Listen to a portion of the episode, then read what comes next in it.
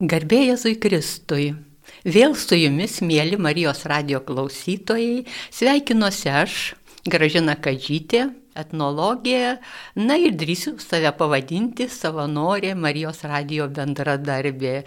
Tikiuosi, kad jau užsipelniau galimybę prisijungti ir sakyti, kad tikrai Marijos radijoje aš jaučiuosi kaip namuose, kaip savo šeimoje ir todėl labai mielai kviečiu jūs į svečius su Marijos radijumi. Šį kartą, kadangi mes dabar esame tokiuose įspūdingose metuose. Mūsų senoji sostinė Vilnius mini 700 metų, na gal ne nuo paties užgimimo, bet nuo to, kada Vilniaus vardas tapo žinomas per kunigaikščio Gedimino laiškus visam tuometiniam pasauliui. Vilniuje tikrai yra kur pasisvečiuoti, yra ką aplankyti. Norėčiau pasiūlyti jums pirmąją viešnagę inžinieriaus, švietėjo, leidėjo, netgi, sakyčiau, rašytojo ir vertėjo Petro Vileišio namuose Antakalnio šeši prie Šventojo Petro ir Povilo bažnyčios. Labai dažnai tenka susitikti žmonės, netgi ir gyvenančius Vilniuje, sako, taip, važiuojam Antakalnio gatve, praeiname pro šalį, gėrimės tais gražiais rūmais, galvojame, kas ten vyksta ir nedrįstame užeiti. O be reikalo, sakome, nes šitie rūmai visada buvo svetingi ir iki šiol yra svetingi. Jie pastatyti neseniai, Tik tai 1906 metais šeim, Vileišių šeima įsikėlė į ką tik pastatytą dar šviežių tinkų belsuojantį rūmą. Tiesa, jie ten ne per ilgiausiai gyveno, bet vis dėlto rūmai niekada neliko tušti.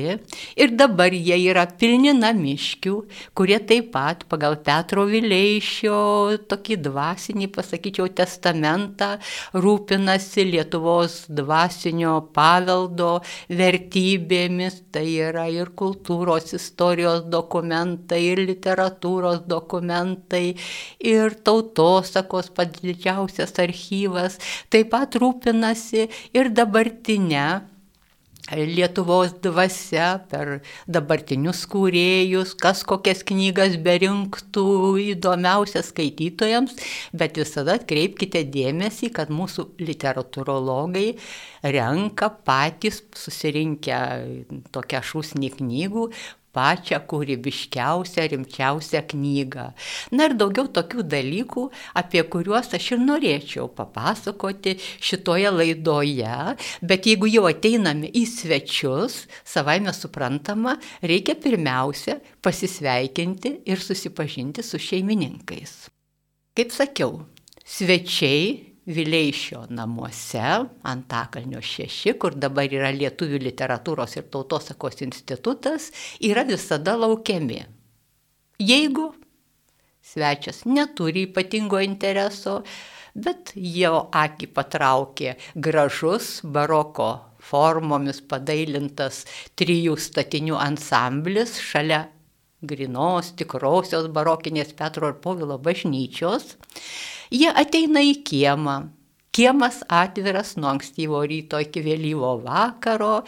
Čia gali jaunos mamos tėčiai su vežimėliais ir su mažiukais vaikais pasėdėti ant solelio, pasivaikščioti aplink, nes čia yra ir pievutės, ir medelių pasodintas. Na, savaime suprantama, kalneliai nemaži, vaikus padaboti reikia. Kiti žino, kad čia dirba mokslininkai, jie rašo knygas, tas knygas leidžia mūsų leidykla, na ir šitas knygas čia galima įsigyti. Ir dabar, kaip tik tai šių metų pradžioje, pas mus eilutės lankytojų, kurie ateina į mūsų biblioteką, nes labai nori į savo rankas paimti, ką tik tai mūsų leidyklos išleistus kunigaikščio Gedimino laiškus, tą Vilniaus miesto pradžią. Sužinoti, nuo kogi prasidėjo tie 700 mūsų miesto istorijos. Ir vėl aš nukrypau turiu grįžti prie šeimininko. Tad Ir anksčiau Petro Vileišio namuose lankydavosi ir kviesti, ir nekviesti svečiai. Nekviestieji buvo tie, kurie susiję profesiniais reikalais. Petras Vileišis buvo geležinkelių tiltų statybos inžinierius. Taigi rangovai, kurie tiesė geležinkelį 20-19 amžiaus pabaigoje, 20 amžiaus pradžioje, norėdavo Petro Vileišio projektų ir ateidavo su juo tartis. Petras Vileišis centriniuose rūmuose, kurie yra kiemo gilumoje ir tai ko gero vieni iš gražiausių rūmų visame Vilniuje, visur mes reprezentuojam ir savo institutą šitų rūmų fasado logotipu, iš to galite ir atpažinti, kur pamatytumėte tą e, grafinį atvaizdą, kad čia yra Petro Vileišio rūmai. Taigi, pirmiausia, įėję pro paradinės duris, svečiai rasdavo du kabinetus. Kairėje pusėje pats Petras Vileišis priiminėdavo užsakovus, tardavosi su jais dėl visų projekto parengimo sąlygų, paskui paruoždavo visus apskaičiavimus, viską, kas priklauso inžinieriaus kompetencijai. Toliau dešinėje pusėje kitos durys ir už tų durų brolis Anupras, kuris dirbo techniku prie brolio Petro, paruoždavo ant bražybos lentos pasidėjęs popieriaus atitinkamo dydžio lapą ir nu, visą projekto brėžinį. Kiti svečiai būdavo kviestiniai ir tie kviestiniai svečiai kaip tik tai jau pereidavo dar vienerias duris tiesiai ir patekdavo į labai gražų holą, koridorių, ar kaip mes ten pavadintume, na, lietuviškai, kaimiškai, jeigu pavadintume priemenę, Petras Vileišis nesupyktų, nes jis pats yra kilęs iš medinių kaimo, pasvalio rajone ir kaimiškos architektūros e, visi pavadinimai jam irgi taip pat buvo ir mėly, ir puikiai žinomi. Taigi ten apšviesti gražaus sėtyno, kurį padovanojo savo šeimininkų įkurtųjų progą metalo dirbinių gamyklėlės jauni meistrai. Jau svečiai ruoždavosi ateiti arba į Petro Vileišio kabinetą biblioteką, jeigu svečiavimasis viešnagė būdavo, na, tokia rimtesnė, tarkime, tarėsi vyrai dėl Lietuvių mokslo draugijos įsteigimo, dėl pirmosios Lietuvių dailės parodos organizavimo, dėl įvairiausių tokių Lietuvos dvasiai žadinti reikalingų dalykų, tada svečius priimdavo Petras Vileišis savo turtingoje bibliotekoje, kurioje buvo daugiau kaip pusė tūkstančio labai rimtų enciklopedinių leidinių, na ir dar smulkių leidinėlių ir jo paties išleistų. O jeigu būdavo kokia nors kitokia proga, tarkime, vardinės ar Petro Petrinės, ar jo žmonos Elenos vardinės, tada eidavo jau į didžiąją svetainę, kur svečiai susirinkdavo ir gerokai pasėdėdavo už stalo. Į Petro Vileišio namus, kol jis ten gyveno, tai buvo labai didelė garbė patekti. Ir čia nors jis buvo valstiečio sūnus, tiesa laisvojo valstiečio, karališkojo valstiečio sūnus, bet pagal to meto tradiciją dar vis tiek tradicijos ilgiau laikosi, visuomenė pasikeičia, mados pasikeičia, bet tradicija dar prilaiko visuomenės tą sąsąją dabarties ir praeities. Taigi pagal tą tradiciją grafai, kunigaikščiai ir netgi bajorai mm, nesutikdavo eiti į svečius pas valstiečių vaikus. Bet va pas šitą valstiečių kilmės, e, sakyčiau, magnatą, nes jis buvo verslininkas, turintis didelį kapitalą, įsilavinęs žmogus, visi labai mielai gavę kvietimą ant vizitinės kortelės užrašydavo, ačiū už malonų kvietimą, būtinai dalyvausiu, nebent jau kokios būtų labai skirtinės priežastys.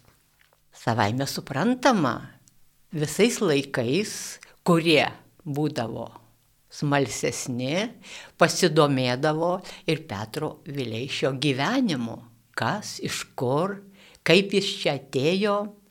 Taigi pas mus visada mėly svečiai yra pasvališkiai, Petro Vileišio tėviški žmonės, kaip tik ten ir prasidėjo jo gyvenimo pradžia ir labai gražiai dabar yra išleista šio amžiaus pradžioje labai išsami dokumentali biografinė knyga apie Petrą Vileišį, Jono Aničio knyga 2001 metais išleista. Ir ten pateiktas dokumentas, kad Vincento ir Agotos Mačėnaitės Vileišių pirmagimis sūnus Petras Gimė 1851 m. sausio 13 d.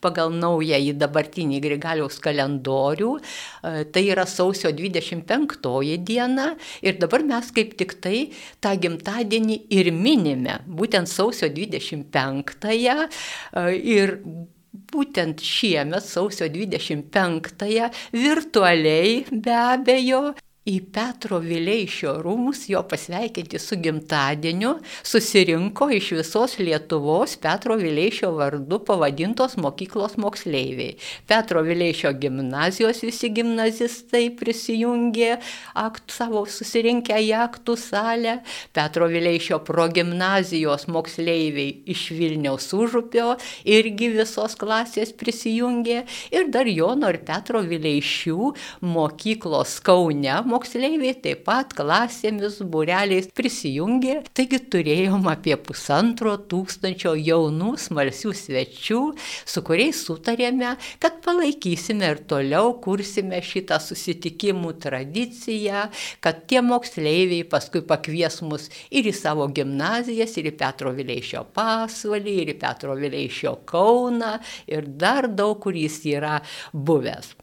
Betgi pasvaly labai įdomiai pastebėjo biografas, skaitydamas iš dokumentų, kad paprastai gimusi kūdikį krikštydavo po kelių dienų. Na, gal truputį apsipranta, sustiprėja, bet Vileišių šeimoje atrodo buvo tokia tradicija, nes matot ir iš kitų krikšto metrikų, kad krikštydavo netgi tą pačią dieną. Ir čia parašyta, kad gimė iš ryto ir tą pačią dieną jį su visomis šventojo sakramento apieigomis pakrikštijo vikaras kunigas Feliksas Žukauskas. Krikšto tėvai buvo Antanas Mačienas, tai yra dėdė iš mamos pusės, ir Salomėja Vilėšytė, teta iš tėvo pusės. Petras buvo pirmagimis, po jo gimė dar dešimt vaikų, iš viso vienuolika, užaugo aštuoni, na ir dar dėja paskui dar jų sumažėjo jaunas, visai neseniai išventintas į kunigus, Kapiškio bažnyčios vikaras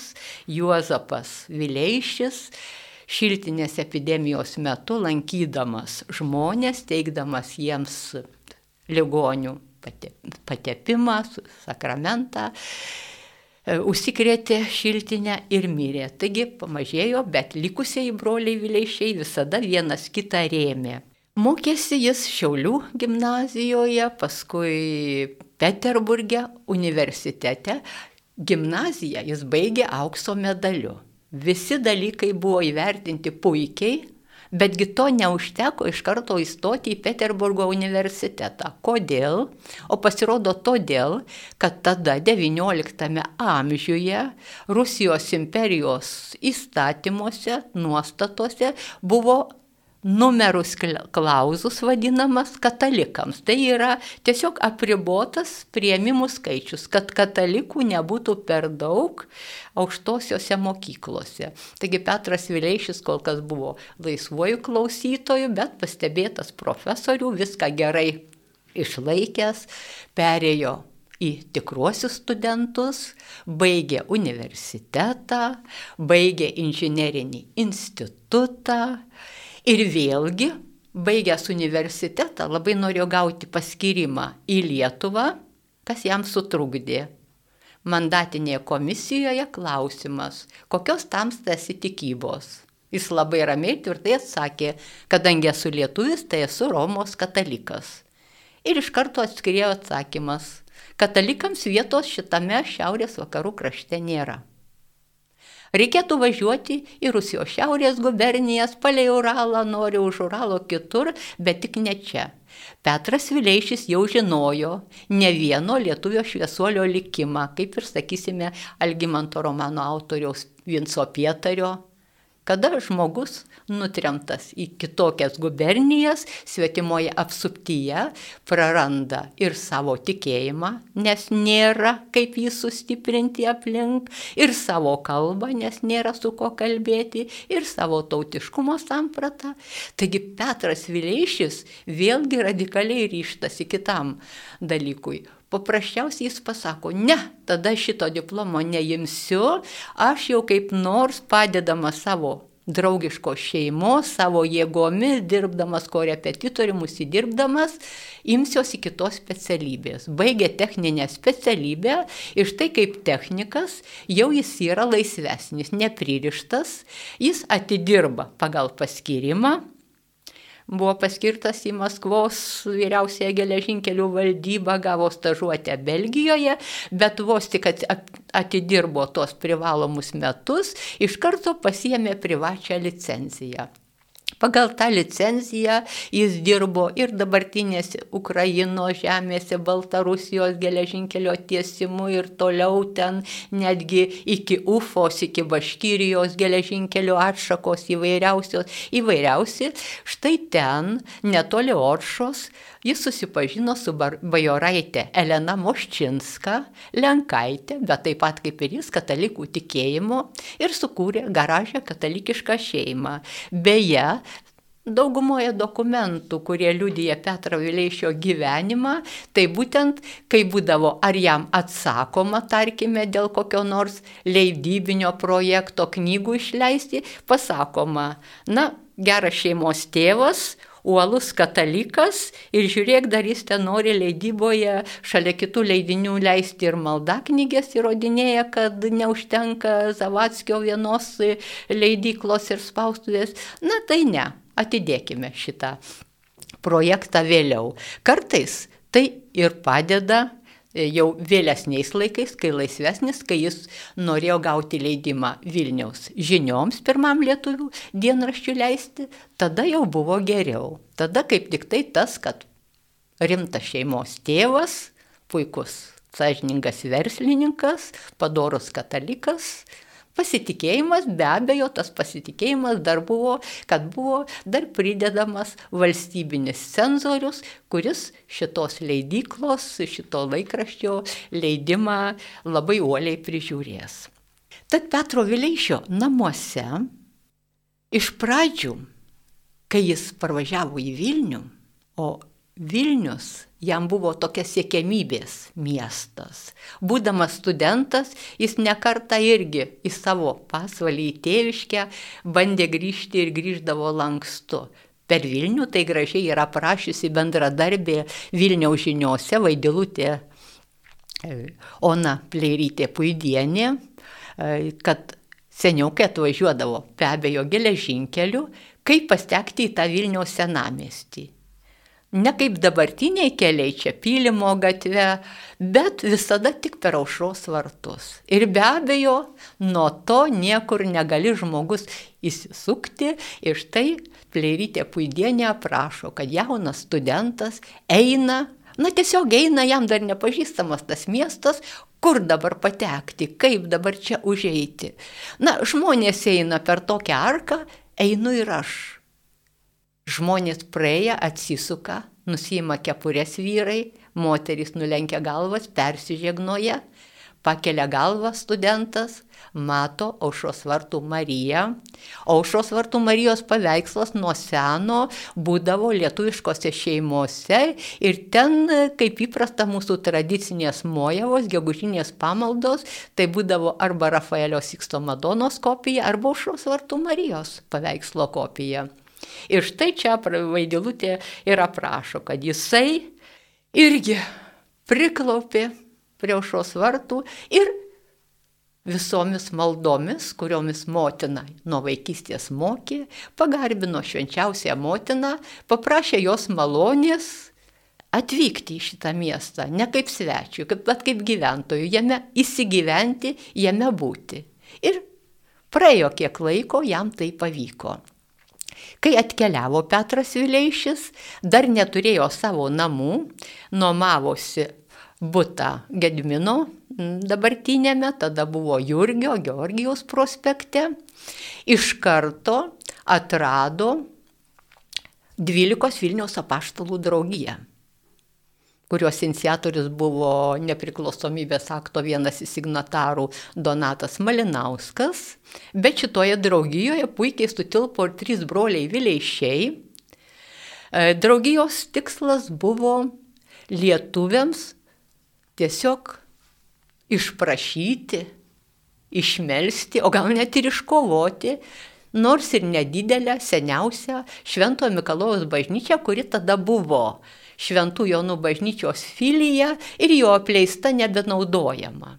Tai va, čia šitie paštalai ir apie jų veiklą yra paliudyta ir paminklinėm lentoj pačioje Švento Mikalojaus bažnyčioje. Jie labai rimtai vedė dėrybą su tuometiniais Vilniaus vyskupais, o pasirodo, kad tada vyskupai gerokai dažnai keisdavosi, nes kai žiūrim pagal dokumentus, čia su vienu šnekama lyg ir sutarta, čia paskui kitas ateina. Ir kaip liūdėjama to meto atminimuose, kad nemažą reikšmę turėjo ir tai, kad Petras Vileišis pažadėjo iš savo kapitalo, jis parsivežė beveik milijoną e, carinių Rusijos aukso rublių, tai kapitalas tikrai buvo didelis, kad jisai pafinansuos bažnyčios remontą, sutvarkymą ir dar pradinį tokį įnašą išlaikyti bažnyčios tarnautojams. Taigi bažnyčia buvo kad ir greitosiam kaip įmanoma, bet suremontuota, sutvarkyta. E, kunigu buvo paskirtas Juozapas Kukta, kurio irgi jubiliejinius metus minime čia irgi šalia Vilniaus gimtadienio ir labai gražiai nu, toliau tęsiasi šitų vyrų draugystė. Be abejo, čia įsikūrė ir choras, į kurį e, kunigo Ambrazėjaus e, tiesiog atsivesta iš Šventojo Rapolo bažnyčios labai gražiai pritapo pirmosios mūsų operos Birutė pagrindinė solistė Marija Peseckaitė Šlapelienė, lietuviško knygyno e, šeimininkė ilgus metus. Ir štai nuo tada Ir be abejo, prisidedant ir Petro Vileišiui, Švento Mikalojus bažnytėlė irgi yra tam tikri namai, į kuriuos lietuviai ateina, užeina, čia vyksta ir lietuviški renginiai, visą laiką čia gyvena lietuviškoji dvasia. Gavęs žemės sklypą, apsižiūrėjęs, kad štai parduodama iš Tivolio sodų išdalinta žemė, Petras Vileišis suprato, kad tai jam labai tinka.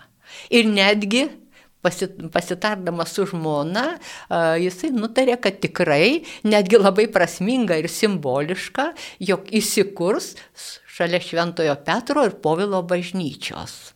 Čia ruoždamas projektą namų, Petras Vileišis su inžinieriumi architektu Augustu Kleinu pasitardamas irgi sugalvojo, kad jeigu esame šalia barokinio perlo Šventojo Petro ir Povilo bažnyčios, savaime suprantama, baroko, kad ir jau atspindžiai, praėjusio laiko atspindžiai, bet turi būti ir šitame Ir dabar mes turime, tikrai kviečiu, per radiją negaliu aš jums parodyti, jeigu būtų vaizdo pateiktis, parodyčiau, kad Pavyzdžiui, kai atvažiuoji į Vilnių, į senamestį nuo Žirmūnų, nuo tų naujųjų rajonų pusės, iš vakarinės pusės, tai labai gražiai tiesiog matai, kad tarytum tokia baroko sala, iškili Švento Petro Povilo bažnyčia ir šalia jos irgi taip gražiai atšvaistus metą e, Petro Vileišio namai. Tai va, šituose namuose, kai jisai įsikūrė, Tai irgi, kaip sakiau, svečių niekada netrūkdavo ir vėlgi yra gražūs prisiminimai tų inžinierių, technikų, kurie dirbo su Petru Vileišiu ir čia kaip tik buvo labai gražus toks dalykas Petro Vileišio, kad jisai e, labai gražiai draugavo su visais savo darbininkais. Netgi su paprastais darbininkais. Va čia yra sakoma, kad jisai juos irgi pasikviesdavo ir į savo namus, pabendrauti, arbatėlę išgerti, pašnekėti, galbūt ir praprusinti, nes tai buvo jauni vaikinai iš lietuviškų kaimų.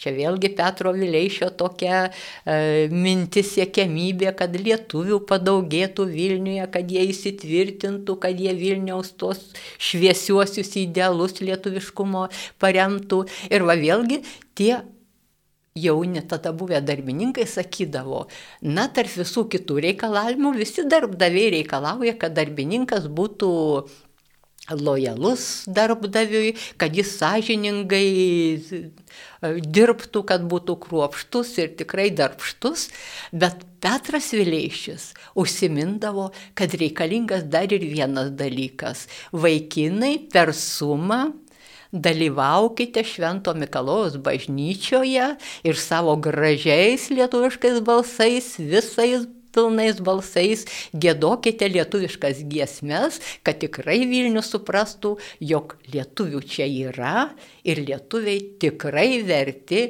šitos bažnyčios, šitos parapijos, šito buvimo. E, kiti, čia jau iš inžinierių atsiminimų, irgi esu išskaičiusi, tokius, kad Petras Vileišis, kai švesdavo savo vardinės Petrines, tai taip pat labai gražiai išnaudodavo progas, netgi su visais svečiais, e, nukeliauti į bažnyčią, pasimelsti. E, negaliu paliūdyti, bet aišku, jeigu jau buvo šalia Švento Petro Povilo bažnyčios, čia to prašymo nėra, tai savaime suprantama, e, kad ypač jo žmona Elena kuriai turbūt lenkiškos pamaldos daugiau jau buvo tokios šiltesnės, priimtinesnės, tai jau jinai nuolatinė būdavo, bet štai vienas e, inžinierius Kukaitis, jisai pažymi taip, kad sako, na, o vienas Petrines mes šventėme Vileišių vasarvietėje pabradėje. Kai susirinkom, apsidžiaugiam, Petras Vileišis pakvietė į pakinkytus e, fajetonus ir mes šešetą kilometrų nuvažiavome į artimiausią bažnyčią tą progą pasimelsti. Tai va, čia irgi manyčiau, kad ir bet palyginimo tokia prasme galima suprasti, jeigu yra šalia bažnyčia, jos durys būdavo atveriamos. Kitas dalykas, Petras Vileišis, turbūt galėčiau pasakyti, daugiau kaip, na, dabar 700 metų Vilniui, tai daugiau kaip po 600 metų, jis irgi tiesiog tęsė kunigaikščio Gedimino dvasę. Atsimenate Gedimino laiškus, kuriuos cituojame, kad Visi mes savo širdyje, savo prigimtyje pažįstame, pripažįstame ir išpažįstame vienintelį viešpatį mūsų kūrėją, su, suteikusi gyvybę viskam, kas gyva. Galbūt, sakysime, na, dėl savo kultūrinės aplinkos, dėl savo kalbinės, e, esame sukūrę jam savus, savitus vardus, bet tai nėra pretekstas mums nesusitarti, mums ginčytis, kaip tik tai, tai yra galimybė mums kalbėti apie jį tą patį ir ieškoti susikalbėjimo susitarimo. Susikalbėjimo susitarimo tarp visų tokia krikščioniška dvasia ieškojo ir Petras Vileišis. Ir būdavo be abejo ir nesusitarimų. Štai tarkime, 907 metų pradžioje, jau kitame pastate, aš čia kalbėjau šiek tiek apie tą centrinį pastatą, kuriame gyveno Petras Vileišis su šeima ir buvo jo darbo kabinetai. Prie gatvės jis labai, ne tik tai būdamas humanitaras, bet kartu ir technikas, ir verslininkas be abejo, žinojo, kad reikia turėti apsaugą, tam tikrą rezervą, pinigai ateina, bet pinigai išeina ar pasibaigia. Taigi buvo suprojektavęs pastatą, kuriame turėjo būti nuomojami būtai. Ir ilgą laiką taip ir buvo. Ir buvo, kada buvo sunkmečiai Vileišių šeimai, tai būtent iš tų nuomojamųjų būtų galėdavo įsilaikyti dukros su savo šeimomis ir sūnus, kol užaugo. Tai va, ten šalia to, tame pastate prie gatvės kaip tik tai, Petras Vileišis irgi buvo sudėjęs daug tokių minčių iš pradžių, kol jis buvo, kol turėjo tą kapitalą, tai ten buvo ir Vilniaus žinių redakcija įsteigta, ir suteiktos patalpos pirmąjį lietuvių dailės draugiją antrame aukšte, ir patalpos Vilniaus kanklių repeticijoms, įvairiems kultūriniams renginiams trečiame ir viršutinėme aukštuose. Ir visada, jeigu paskaitą skaitydavo Petras Vileišis, jis dažniausiai pasakydavo taip pat dažnai cituojamus žodžius - po nuliai. Pirmiausia, rūpinkimės Lietuvos dvasia, kultūra ir ekonomika. O kai šituos dalykus turėsime tvirtus ir padorius, tuomet ir politika ateis savaime ir jinai bus padori.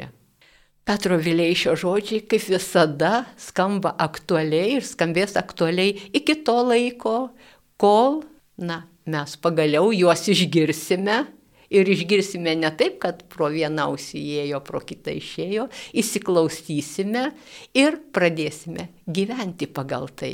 Tad lankykimės pas Petrą Vileišį, lankykimės per jo knygas, lankykimės namuose, kur mes buvome, lankykimės e, ekskursijomis, galite parašyti, yra mūsų internetinėme puslapyje, kaip susisiekti su manimi, mano elektroninis paštas ir sutarsime ekskursijų datas.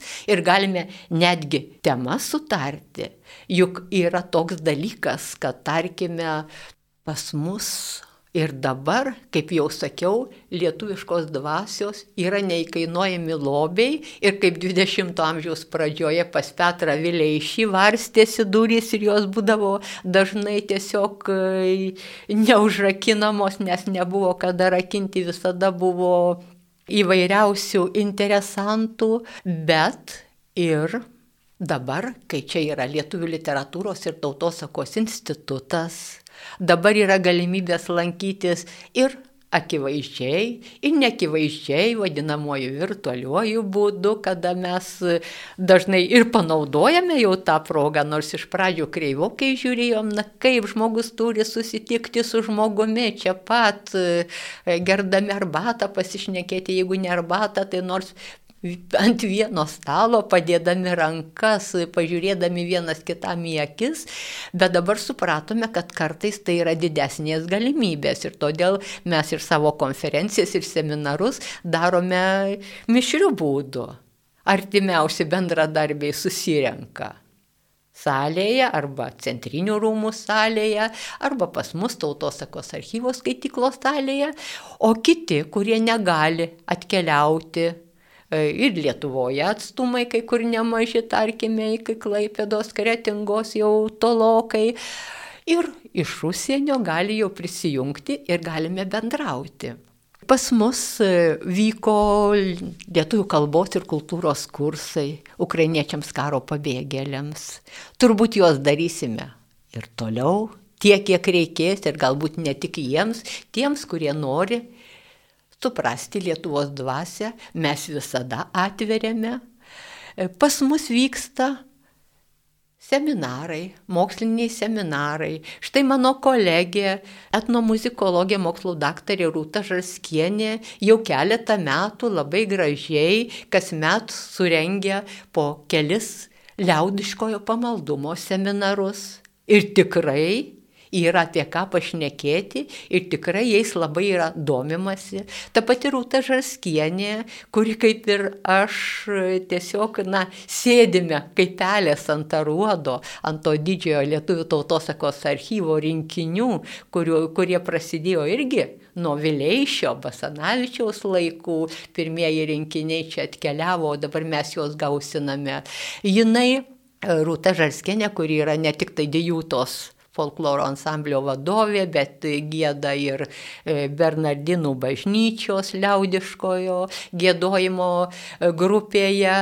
E, suranda labai daug įdomių tokių užrašų iš mūsų dainų tekstų užrašytų ir iš XIX amžiaus, štai tarkime, pavyzdžiui, Žėk žėkelį visų žėkų mokytojų švento rašto skaitytojų. Tai yra gražia dainelė vaikams pateiktas katekizmo pradžiamokslis, kad vienas yra ponas Jėzusas, e, dvi įstatymo knygos ir taip toliau suskaičiuojama iki 12 apaštalų ir taip gražiai dainuodami vaikai įsimindavo, pasirodo, yra ir kitų versijų versijų Juozapai, ko jums vaikai, irgi klausimas, atsakymas, šitą giesmę jau išmoko ir gėda liaudiško gėdojimo grupė kankleliai, kai jie turės gerą įrašą, tai mes irgi Marijos radijoje su jumis pasidalinsime tais įrašais. Taigi svečiai gali būti tie, kurie, tarkime, ir nori ar sukurti kažkokį tai gražų e, folklorinį renginį, gali pasidomėti mūsų tautosakos archyvų, beje, ir skaitmeninis archyvas jau seniausi rinkiniai yra suskaitmeninti ir galima per kompiuterį apsilankyti, paskaityti ir pasirinkti, kas yra geriausia. Pas mus dirba literatūros tyrinėtojai, mokslininkai ir, pavyzdžiui, senosios literatūros skyrius, kuris rūpinos ir Gedimino laiškų išleidimais, ir pas mus išleista aukso knyga šventųjų gyvenimai, kuris senio, senokai išleista, dėl to reikėtų perleisti, nes jau nebeturime, buvo tokia populiari ir daug ir lotiniškos raštijos, o iš, iš to laiko, kiek va tų mūsų šviesuolių, apie kuriuos galėtume kalbėti, kiek tarp šviesuolių, kas rūpi mūsų Marijos radijoje, tuo metu būdavo kunigų, viskupų. Čia galima, norint, jeigu tarkime, mokytojai, lituanistai susiorganizuoja, kokia nors mokyklinės programos, kokia nors asmenybė, jo kūryba. Ir jie čia gali susitikti arba pasikviesti pas save į svečius į mokyklą, na žinoma, susitarus, kad nenukentėtų ne vienos pusės darbai, mokslininką, literatūrologą, kuris yra tos asmenybės žinovas labai plačiai ir labai giliai. Galbūt tai žmogus, kuris rengia viskupo valančiaus raštus. Galbūt tai žmonės ir ne vienas, kurie parengė dideliausią vaižganto raštų seriją. Galbūt tai iš mūsų tautosakininkų tie žmonės, kurie parengė kunigo muziko Teodoro Brazio puikų tautosakos rinkimo tritomį. Galbūt tie, kurie į internetą sudėjo skaitmeninį kunigo Adolfo Sabaliausko, Žalios Rūtos ir jo bičiulio suomių folkloristo Niemio rinkinius. Yra tie žmonės ir galima su jais pasikalbėti. Galima pasikalbėti ir su naujausios, moderniausios literatūros žinovais ir pasižiūrėti, kiek toje literatūroje, dabartinėje kūryboje, kiek yra doros ir kiek yra nedoros, kiek yra labo ir kiek yra nelabo. Nes viską turime pažinti, kad galėtume teisingai pasirinkti. Tad, mėlyjeji, tie, kurie manęs klausėtės, aš žinau, kad jūs dabar su manimi, na, ar aš sugebėjau taip vaizdžiai perteikti, kaip mes galime pasivaikščioti po Vileišio rūmus, tikiuosi, kad jūs dvasios akimis per klausą maždaug pamatėte šituos rūmus, galite atsiversti interneto erdvėse ir pasižiūrėti ir rūmų nuotraukų. Ir netgi yra vaizdo įkelta, mano pačios ekskursijų yra ten įkelta, o dar labiau, kai prašviesėja dienos po pavasario lygiadienio, na ypač nuo pavasario lygiadienio iki rudens lygiadienio, kai mes nebesame ūkininkai žemdirbėjai ir nereikia prie to žemelės vargti, sėti, akėti, pjauti, šienauti ir taip toliau, mes galime šitą laiką panaudoti apsilankimui, dar kartą apsilankimui Vileišių rūmose. O kartais būna labai gražiai, aš jau nekalbu apie mokinukus, kuriems yra koks nors tautosakos kursas ar literatūros koks įdomesnis kursas, kada su, su tam tikra edukacija būna, apie trečiojo amžiaus seniorus, apie studentus, bet žmonės ateina labai paprastai. Kartais ateina na, dvi, trys keturios šeimos, tėvai su vaikais. Ir tada mes gražiai pabendraujame, pasivaikštom, pasisvečiuojame rūmose, o kadangi svečiai ateina su dovanomis, tai ir sakome, tai dabar jūs mums padovanokite dainelę, pasakėlę, dar kažką tokio. Ir labai gražiai būna, kad visi, ypač vaikai, atsiliepia, tai eilėraštuką, tai dainelę, o kartais būna kaip vienas berniukas, kuris galvojo, galvojo, nieko daugiau nesugalvo, sako, aš jums Lietuvos himną sugėdosiu. Ačiū vaikeli ir mes tau visi pritarsime, nes Lietuvos himnas šituose rūmose irgi visada yra gėdamas ir kai susirenkame paminėti vasario 16 ir kovo 11 ir kitas svarbias mūsų valstybės datas, nes Kudirkos idėjos, Kudirkos tekstas, kaip ir Basanavičiaus, viskas šituose rūmose sukosi, viskas buvo Petro Vileišio pakviesta į šituos rūmus ir visą tai mes visus kviestinius priimame kaip lauktus mylimus svečius. Ačiū mėlyjeji, kad manęs klausėtės. Aš gražina Kadžytė, su jumis buvau šią valandėlę. Manyčiau, kad Vilniaus metais tikrai yra kur Vilniuje pasisvečiuoti ir jeigu jums tiks, galbūt ne kartą mes ir eisime kartu su Marijos radijumi į svečius.